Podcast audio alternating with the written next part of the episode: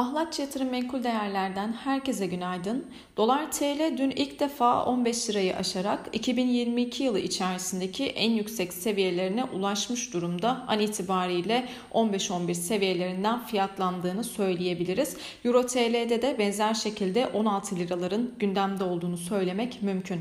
Aslında çoğu gelişen ülke para birimi bu sabah dolara karşı değer kazanırken TL ve Rus rublesi birlikte negatif ayrışıyorlar.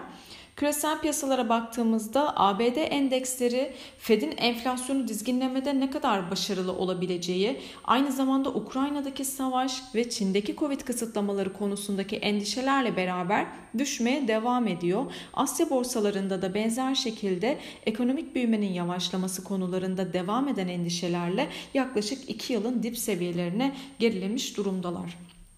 Ons altın tarafına baktığımızda yarın açıklanacak ABD enflasyon verisi öncesinde tahvil getirilerindeki yükseliş ve dolar endeksinin 104 seviyelerine kadar kuvvetli seyrinin devam etmesiyle birlikte 1860 dolar seviyelerine kadar geri çekilmiş durumda. ABD'de açıklanacak enflasyon verisi enflasyon verisinin yıllık %8,1 olacağı yönünde bir beklenti var.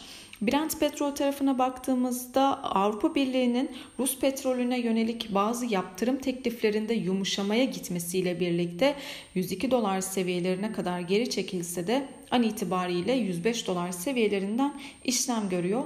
Brent için 104,70 dolar seviyesi kritik. Bu seviye 50 günlük üstel hareketli ortalamaya tekabül ediyor. E, bu seviyenin üzerindeki günlük kapanışlarda yükseliş hareketinin devamını bekleyebiliriz.